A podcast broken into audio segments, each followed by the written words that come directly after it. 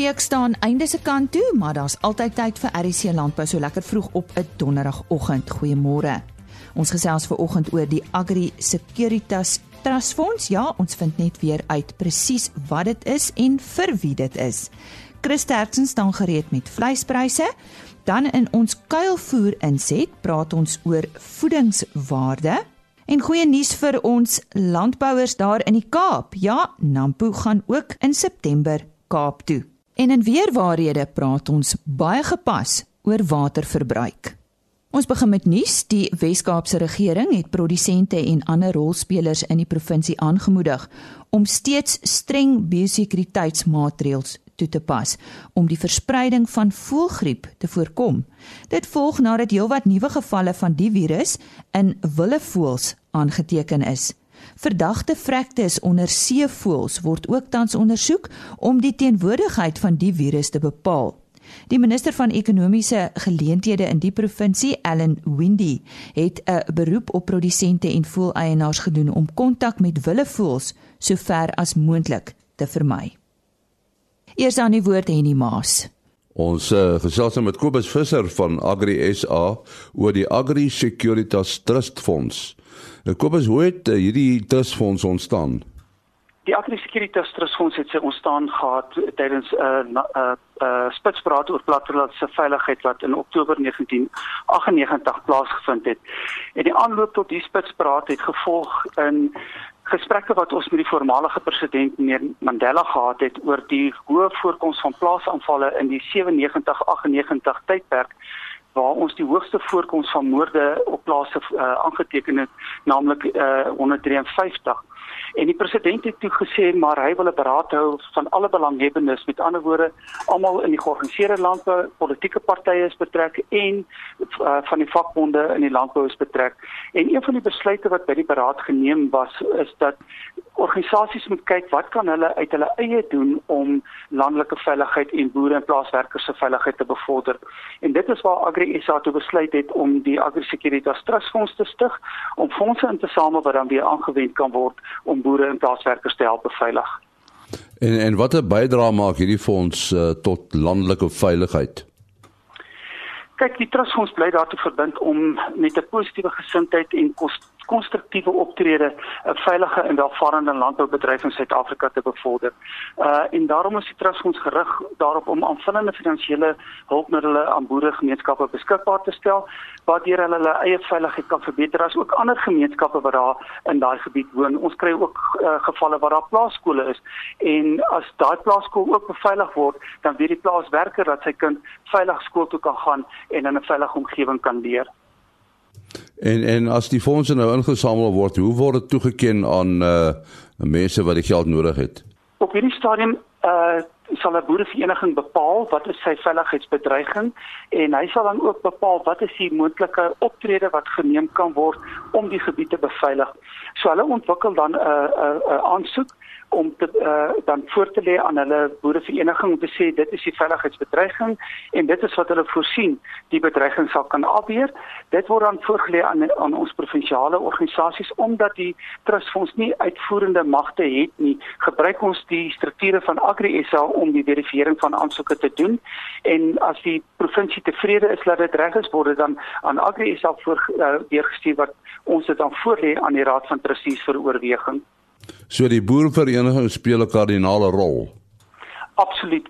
Dit is die grondvlakstruktuur, 'n baie belangrike struktuur in hierdie in hierdie proses want hy moet bepaal wat is sy probleem en hoe dit opgelos kan word. En wat baie belangrik is vir die trustees uh groot klem op lê is wat is die rol van die polisie in daai beveiliging en dat hulle wel 'n rol speel. So ons kan nie landelike veiligheid doen sonder die uh die polisie se betrokkeheid nie. En is daar ruimte vir uh, ander maatskappye en instansies om ook betrokke te raak by hierdie uh, aksie? Verseker, uh, op hierdie stadium het ons 'n paar strategiese vennootskappe met maatskappye wat al uh, van hulle is al omtrent 16 jaar betrokke by die trustfonds en sonder hulle betrokkenheid kan ons nie hierdie diens aan aan die boeregemeenskap lewer nie. En dit is mense wat ook 'n uh, besigheid doen met boere. So daar's definitief 'n geleentheid vir enige maatskappy wat betrokke is in die landbou om betrokke te raak by die trustfonds en op 'n of ander wyse 'n bydrae te maak tot die beveiliging van ons boere en plaaswerkers. Met wie moet uh, belanghebbendes in verbinding tree as hulle betrokke wil raak? En hulle kan myself kontak by Agri SA um, by 012 643 3400 of alternatiefelik per e-pos kobus@agrisa.co.za. Herhaal net daai besonderhede. Die skakelnommer by Agri Securitas is 012 643 3400 of alternatiefelik per e-pos kobus@agrisa.co.za. Dit was aan Kobus Visser van Agri SA wat gepraat het oor die Agri Securitas Trust Fonds. En die en Richard Venter gesels bietjie later oor kuilvoer. Maar nou eers ons vleispryse van die week en dit is veilinge wat in die Noord-Vrystaat plaasgevind het op die 6de Februarie. Aan die woord Chris Derksen. Dit is belangrik dat pryse eintlik maar baie stabiel gebly het teenoor laasweek. Speenkalvers onder 200 kg R43.22 per kilogram lewendig gewig. Dan van 200 tot 250 kg R40.33 per kilogram en oor 250 kg R36.66 per kilogram. A klasse het gegaan vir R26.04, B klasse R23.50, C klasse vetkoeie R22.88 en maarkoeie het gewissel van R19.52 tot R20.57 per kilo. Slagbulle R24.88 en skape het stoor lammers gegaan vir R44.22 vetlam R35.32 maar oeye R26.07 en vet oeye R27.81 en vanaf die bokmark lammers R41.10 en oeye R26.13 en indien ons van enige verdere hulp kan wees skakel ons maar enige tyd na 08280 75 961. Baie dankie. Dit was aan Chris Derksen met ons vleispryse vir 'n verdere kyk na hierdie pryse. Besoek gerus www.vleisprys.co.za. Ons sluit nou weer aan by Henny Maas met ons kuilvoer gesprek. Ja, ek kom agter dat ons hier in uh, eh, RC Landbou dikwels gesels oor kuilvoer. Ons praat nou weer met Richard Venter van Xai. En ons praat oor variasie in kuilvoer en uh meer die aspek van voedingswaarde. Richard? Ja, en ons het verlede week verwys na die variasie in kuilvoer rondom die bestuursaspekte daarvan. Maar ek wil bietjie meer gesels oor die variasie wat ons sien spesifiek op die voedingswaarde. Nou baie van dit is nou nog steeds gekoppel aan bestuursinsette, byvoorbeeld snytyd. As jy vroeër sny, dan affekteer dit ook jou voedingswaarde en dit was nog nou eintlik 'n bestuursinset. Maar as ons net op sy eie kyk na die ontwikkeling van 'n plant, eh uh, wat byvoorbeeld reproteïen, ons weet dat 'n plant wat jonger gesny word, het byvoorbeeld 'n hoër reproteïen. Ehm um, en 'n plant wat later gesny word natuurlik 'n laer proteïen. Die variasie is is is eintlik baie groot. Medical voor byvoorbeeld in 2017 se Kelvoer kompetisie was eh, 'n uh, gemiddeld van 8%, maar die variasie was tussen 6 en 12%. Nou om op 'n medical voer 'n 6% proteïen te meet beteken net baie baie laat gesny. En 'n 12% te kry, moet net baie vroeg gesny en ook faktore soos die kultivar en die bemesting wat natuurlik 'n rol speel. Ehm um, ek vat byvoorbeeld ook vesel as 'n as 'n voorbeeld.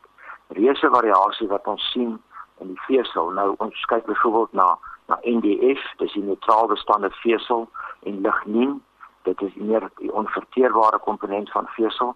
Nou dit is seker twee van die belangrikste parameters waarna ons kyk wanneer ons kuilvoer se voedingswaarde evalueer. Ehm um, nou ons kan byvoorbeeld sien dat eh uh, die mielkuilvoer eh uh, NDF die neutrale bestaande vesel se gemiddeld was so 41%, maar variasie van tussen 32 en 58. Jy weet as 'n voedingskundige met twee ontledings van kuilvoer voor hom sit, een op 'n 32% NDF en een op 'n 58% NDF. Ehm um, nou kan ek vir jou sê daar's geen manier hoe daai twee kuilvoer op dieselfde manier kan aanwend nie. Daai is 'n is 'n reuse verskil. Jy weet so die aanwending, die voedingswaarde, die uiteindelike waarde van daai kuilvoer word groot groot hierdeur beïnvloed. Ehm um, stysel natuurlik as ons na mieliekoue kyk, bly ons maar altyd een van die besprekingspunte. Ehm um, daar het ons byvoorbeeld gesien dat Afrika se gemiddelde stysel so 29%, maar dit vergelyk goed met internasionale syfers. Dit is maar op 'n gemiddelde vlak waar mieliekoue lê. Maar kyk nou na hierdie variasie van onder 10%, die swakste een, tot 41%, die beste een. 41% stysel in jou mieliekoue gaan vir jou 'n dramatiese besparing op jou kragvoerrekening teweegbring want jy het nie daai stysel aan te vul of aan te koop nie of baie minder daarvan. Maar terselfdertyd om die kostes aan te gaan om 'n mielieplant te vat tot by koolvoer stadium en minder as 10% stysel uit daai plant uit te kry, dit is eintlik 'n groot verlies. Ehm um, en ja, dit is 'n paar voorbeelde van hoe die bestuursinsette uiteindelik uh, gekoppel is aan die voedingswaarde en dit gee alles vir ons groot variasie in koolvoerkwaliteit. Volgende week donderdag gesels Richard Venter van Agsaai weer met Henny Maas oor kuilvoer. Ons uh, gesels met James Snetler en uh, ons wil met hom praat oor 'n veiling die Beyond Wagyu veiling dit is die Beyond Beef Wagyu veiling. Wanneer vind hierdie veiling plaas is môre hè? Ja, nee, die veiling is die 9de Februarie, Vrydagoggend 11:00 uh begin registrasies en die veiling gaan 2 uur begin. Tussen 11 en 2 kan die mense die beeste besigtig. Waar vind die veiling plaas? Ehm um, die veiling is by Frankfurt. Uh dis lekker sentraal geleë in Suid-Afrika by die nuwe uh beesveilingskrale wat hulle die Royal Auction Centre noem. En wat is die aanbod? Hierdie ons aanbod hierdie jaar op die veiling is so 40 volbloed diere waarvan daar uh stoetbulle en stoetverse is. Ehm um, uh die volbloed diere kom direk uit Japan uit. Dis uh hulle bloedlyne so ehm um, en dan het ons so 180 opgeteelde diere waarvan daar 3 in 1 dragtige koeie is. Uh dragtige koeie uh top opgeteelde F1 versies en uh, nog so 'n paar ander um, ad hoc lotte. Daar's nog 'n belangstelling vir hierdie ras, né? Nee? Ja, Geddy, ons is so bly dit het uiteindelik gekom. Ons uh, glo regtig van ons hart uit dat hierdie ras die vermoë het om die rooi vleisbedryf in Suid-Afrika te transformeer. Ehm um, ons is uh, ons is uiteindelik maar uh vleismense, ons is in die vleisbedryf, ons het slagpale en slaghuise en ontbedingsaanlegte en ons soek nog altyd uh, iets wat hierdie rooi vleis produk van ons uit die kommoditeitmark uit kan haal. En nou na 9 jaar se teeling uh, is ons seker ons het die resep gekry. Daar's net uh daar's net een tipe bees of genetika uh wat daai marmering kan voeg by die vleis en dit gaan ons die geleentheid gee om ons produk vir 'n kommoditeitsproduk te skuif in 'n ander mark en wat ons nie met die wêreld se kommoditeitprodukte hoef te kompeteer die hele tyd nie.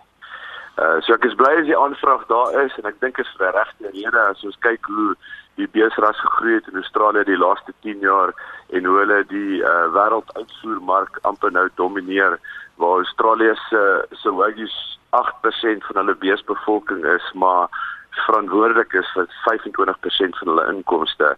Ehm um, is die bewys daar Australië het klaar die bewyse vir ons neergelê. Ons moet maar net hulle resep volg.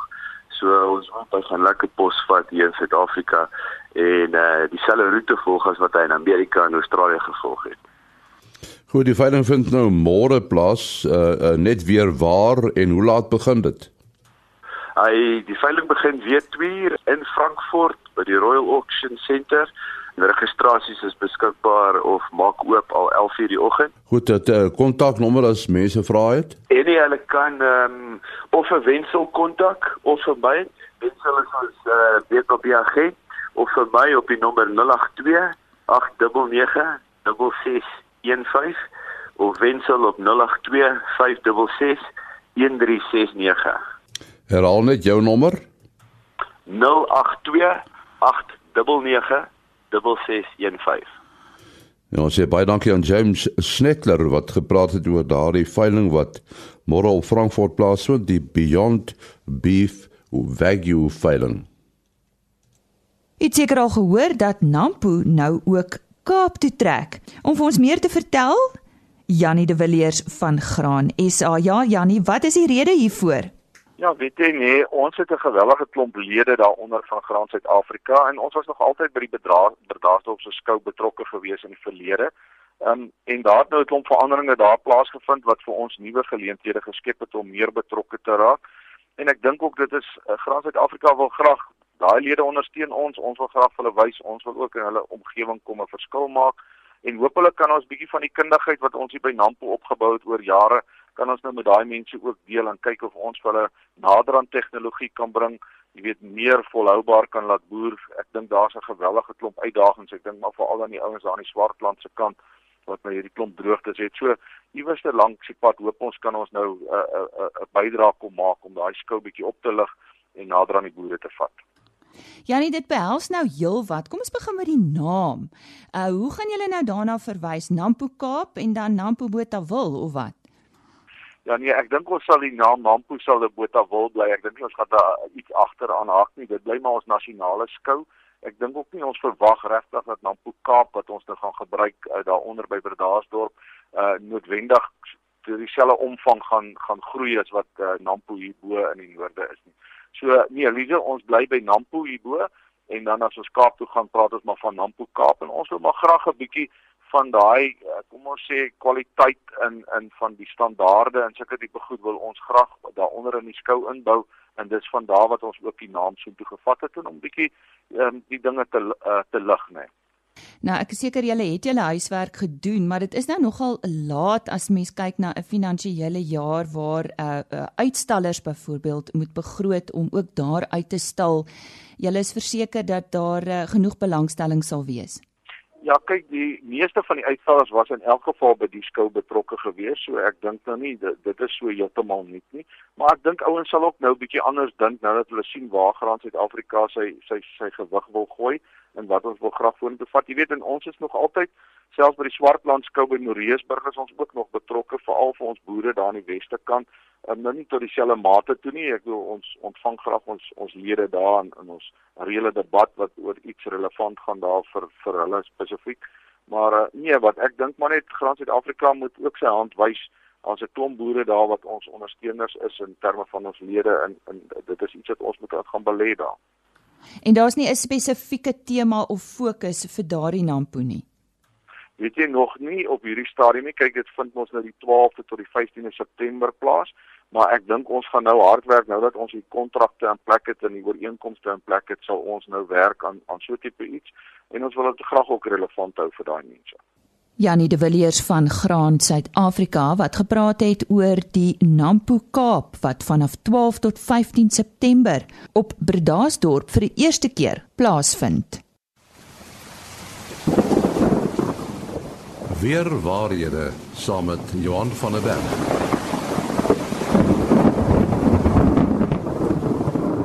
Ons gesels uh, weer vanoggend en weer waarhede met Johan van der Berg van Santam Landbou. En uh, ons gaan 'n bietjie praat oor waterverbruik en waterverbruik doeltreffendheid by gewasse. Wat bedoel jy presies daarmee Johan? En ja, dit gegee hierdie droë toestande wat ons in Suid-Afrika ervaar, wil ek net 'n bietjie uh, uh wys wat is regtig waar waterverbruik uh en hoe kan 'n mens waterverbruik doeltreffendheid verhoog? Want ek dink baie mense onderskat hoeveel water word verbruik word. Nou om 'n bietjie meer dieper te begin, uh die proses van transpirasie is die opwaartse beweging van water.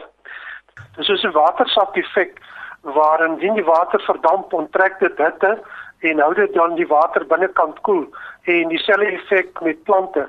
Maar die meer belangrike gedeelte is dat voedingsstowwe uit die grond na die blare en die vrugte en sade vervoer word saam met die water.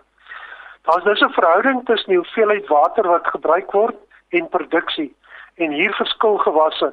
Party gewasse maak baie royaal gebruik van water en ander gebruik weer baie spaarsamig. Nou hoe kan ons waterverbruiksdoeltreffendheid verhoog want die doeltreffendheid gaan eintlik wat hoeveel water is nodig om vir 'n een eenheid om te produseer.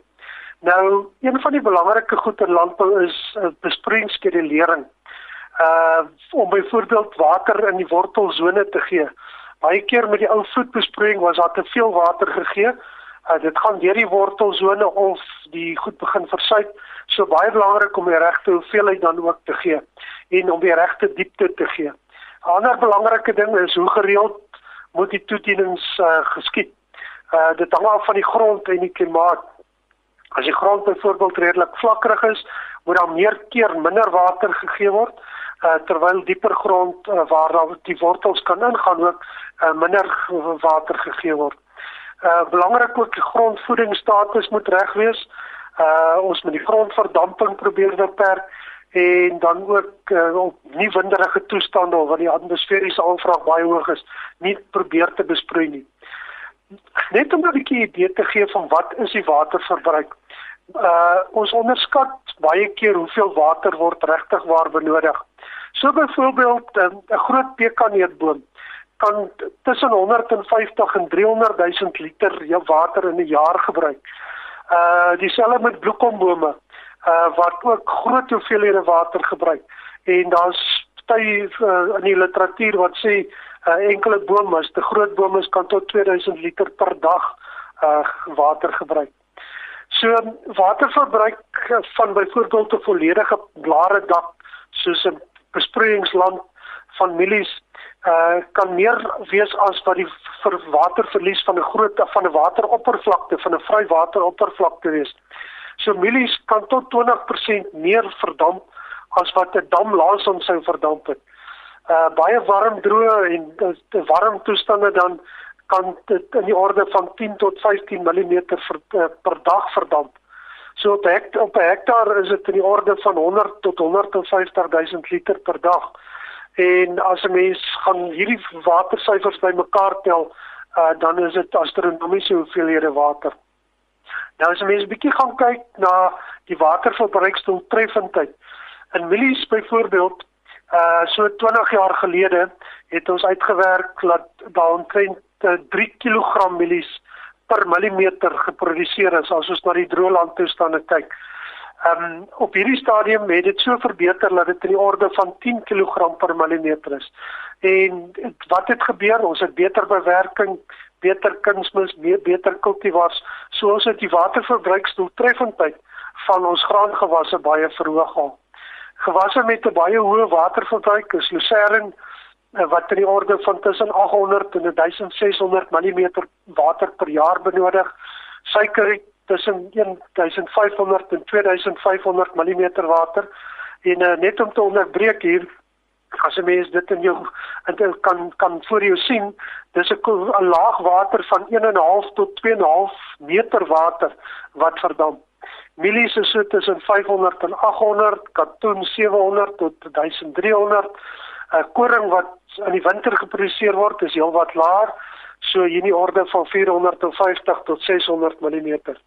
So, voor 'n mens 'n gewas plant, kyk na die waterbehoefte en neem die reën en die besproeiing in ag dan en dat ons nie oorplant en dat ons te min water het nie.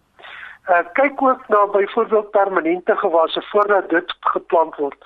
Ons sien tans dat veral pekanneute op groot skaal geplant word. Uh en die vraag moet wees is daar genoeg water om tydens die spitsbehoefte van uh baie warm periodes in 'n jaar te kan voorsien uh in groot bome se behoefte. Uh dit help nie om na gemiddeld te kyk nie, want dit gaan juis oor hierdie warm tye wat ons moet byhou. So uh, ons moet beplan vir hierdie waterverbruik. Ons water word minder en nie meer nie. So dis 'n verantwoordelikheid wat ons het uh dat as ons water gebruik dat ons dit die beste benut, kyk na die regte gewas en dat ons dit ook reg bestuur. Uh water is regtig waar ons sien dit nou, dis nie net in die Wes-Kaap waar dit 'n probleem is nie, dit raak in die hele Suid-Afrika 'n probleem. Ja, baie waar woorde daar van Johan van der Berg van Santam Landbou. Hy het gepraat in weer waarhede hier op RC Landbou. En ons sê dankie aan Johan van der Berg en Henny Maas vir weer waarhede. Nou het Henny nog nuus oor 'n veiling wat volgende week plaasvind. Ons gaan nou gesels oor 'n veiling die 24ste Bonsmara groep 'n produksieveiling. Dit is die New Elkite Bonsmara groep se 24ste produksieveiling. En uh, ons praat daaroor met met Frak Venter Uh vertel ons meer van die veiling. Wanneer vind dit plaas, Frik? Benny, uh baie dankie vir die geleentheid. Uh dit vind plaas die 15de Februarie 11:00 by die Warmbad se veemark. En wat is die aanbod? Die aanbod is uh redelik omvattende aanbod wat bestaan uit 15 stoetbulle, 350 vroulike aanteeldiere in alle produksiestadiums wat nou onder andere insluit dragtige koeie, dragtige verse, oop verse, koeie met kalvers, koeie met kalvers wat dragtig is. En dan is daar ook 400 speenkalvers op die veiling vir die uh, man wat wil voer en vir die goeie vleismark wat pryse redelik billik is wil voorsien. Ja, ons het nou al gesê dat dit dis 'n Bonsmara groepveiling, né? Nee. Hoekom doen julle 'n groepveiling? Die bestaan basies uit 'n uh, geografiese gebied van die noordoostelike deel van Suid-Afrika. En jy het 'n groep nodig om 'n uh, hoeveelheid diere van elke veiling bymekaar te maak en wat se kwaliteit ooreenstem maar wat die uh groep wil die standaarde wil stel. So vir een boer om dit reg te kry, moet jy 'n redelik groot boer en ons daar is nie sulke groot weesboere in in die noorde nie. So ons staan saam as 'n groep en ons het sekere standaarde en ons uh, staan bekend daarvoor vir die kwaliteit en die hoeveelheid kry ons uit ons 12 ons is 12 lede en ons het sekere gasverkopers ook maar dit is om in die behoeftes van die kopers te kan voorsien. En uh, wat verwag julle? Verwag julle 'n goeie opkoms? Ons verwag soos gewoonlik 'n goeie opkoms. Ons vorige veiling was in September maand, einde van September 2017, was 'n groot sukses met 'n groot opkoms want die veiling is bekend vir kwaliteit en uh, dit is iets wat homself verkoop. Goed, jy moet net vir ons vertel 'n uh, kontaknommer as mense 'n navraag wil doen. As mense wil navraag doen, hulle kan my skakel by 083 266 1108. My naam is Frik Venter en ek sal hulle verwys na die onderskeie verkopers van diere wat waarna hulle mag belangstel. En die katalogus vir die veiling, kommersieel sowel as stoet, gaan beskikbaar wees op die vleisentraal se webwerf asook die nuwe Alkyt webwerf. Nou uh, frik net weer waar vind dit plaas en hoe laat begin dit? Vind plaas op die 15de Februarie by die Warmbad se veemark en dit begin om 11:00. Ons sê baie dankie aan uh, Frik Venter wat gesels het oor uh, daardie nuwe Alkyt Bonsmara groep se 24ste produksieveiling. Voor ons groet, volgens die Nasionale Oeskattingskomitee se jongste voorlopige oppervlakteskatting vir somergewasse, gaan daar 12,15% minder mielies aangeplant word in vergelyking met verlede seisoen. Die verwagte oppervlakte onder mielies is nou 2,309 miljoen hektaar. Wat sonneblomaanplantings betref, word 11,9% minder verwag terwyl sojabone se geskatte aanplantings met 22,14% toegeneem het. Die finale produksieskatting vir wintergewasse vir 2017 sal op 27 Februarie bekend gemaak word. daarmee het ons dan gekom aan die einde van vandag se program en ook ons tyd saam met u vir hierdie week. Ons is weer maandagooggend om 05:30 op ons pos. Onthou Chris Viljoen môreoggend om kwart voor 5 en indien u enige inligting of uh, telefoonnommers of besonderhede misgeloop het of u wil dalk weer na 'n onderhoud luister, besoek gerus www.rsg.co.za vir die potgooi. Soek net onder potgooi vir RSG landbou of u kan na die onderhoude luister op www www.agriorbit.com en onthou daai .com. Bo in die bladsy klik op broadcast en dan RSG landbou. www.agriorbit.com. Mag u naweek en die res van u week net wonderlik wees. Totsiens. RSG landbou is 'n produksie van Plaas Media. Produksieregisseur Henny Maas Aanbieding Lisa Roberts en inhoudskoördineerder Jolandi Root.